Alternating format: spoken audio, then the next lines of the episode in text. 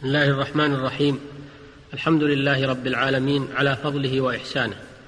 والصلاة والسلام على نبينا محمد وعلى آله وصحبه أجمعين.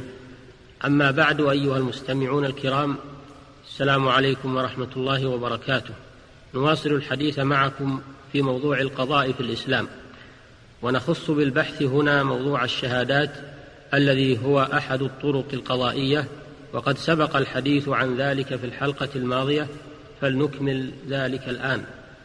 فالشهادة في القضاء لها مكانة معروفة ويجب على الشاهد أن يكون على علم بما يشهد به فلا يحل له أن يشهد إلا بما يعلم. قال تعالى ولا تقف ما ليس لك به علم وقال تعالى إلا من شهد بالحق وهم يعلمون أي يعلموا ما شهد به على بصيرة ويقين.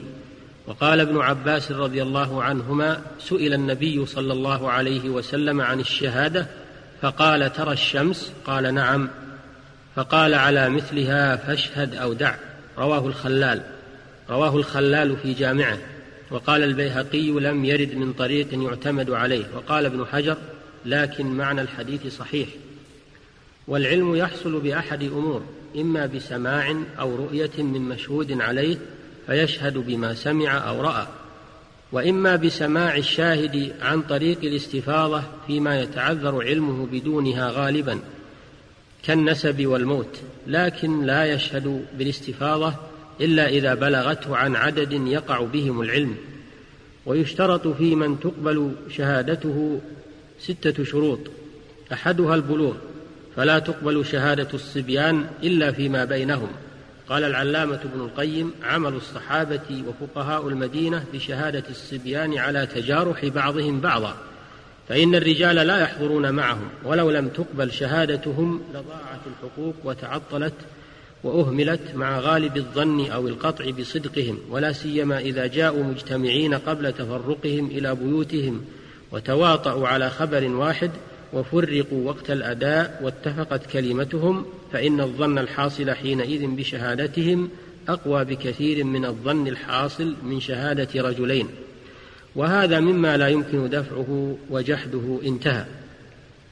الثاني من شروط قبول الشهادة العقل فلا تقبل شهادة مجنون ولا معتوه وتقبل الشهادة ممن يخنق أحيانا إذا تحمل وأدى في حال إفاقته.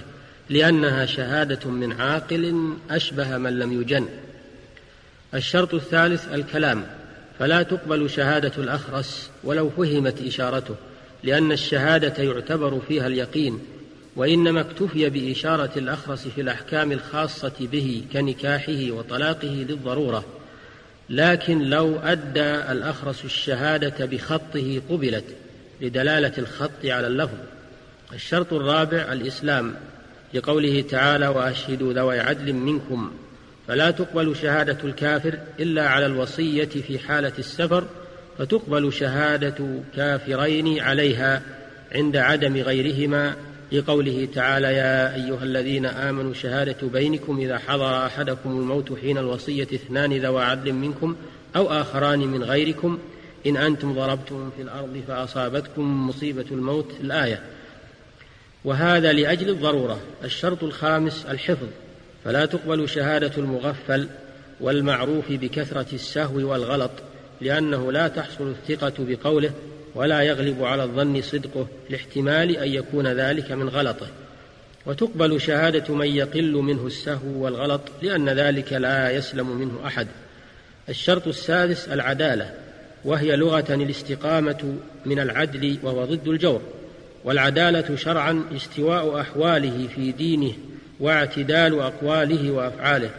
ودليل اشتراط العدالة في الشاهد قوله تعالى ممن ترضون من الشهداء وقوله تعالى وأشهدوا ذوي عدل منكم وقد قال جمهور العلماء إن العدالة صفة زائدة على الإسلام وهي أن يكون ملتزما بالواجبات والمستحبات ومتجنبا للمحرمات والمكروهات وقال شيخ الإسلام ابن تيمية رحمه الله ورد شهادة من عرف بالكذب متفق عليه بين الفقهاء وقال والعدل في كل زمان ومكان وطائفة بحسبها فيكون الشهيد في كل قوم من كان ذا عدل منهم وإن كان لو كان في غيرهم لكان عدله على وجه آخر.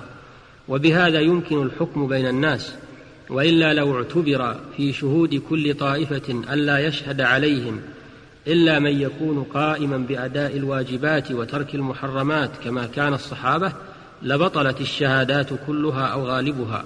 وقال رحمه الله يتوجه أن تقبل شهادة المعروفين بالصدق وإن لم يكونوا ملتزمين للحدود عند الضرورة مثل الحبس وحوادث البدو وأهل القرية الذين لا يوجد فيهم عدل. انتهى.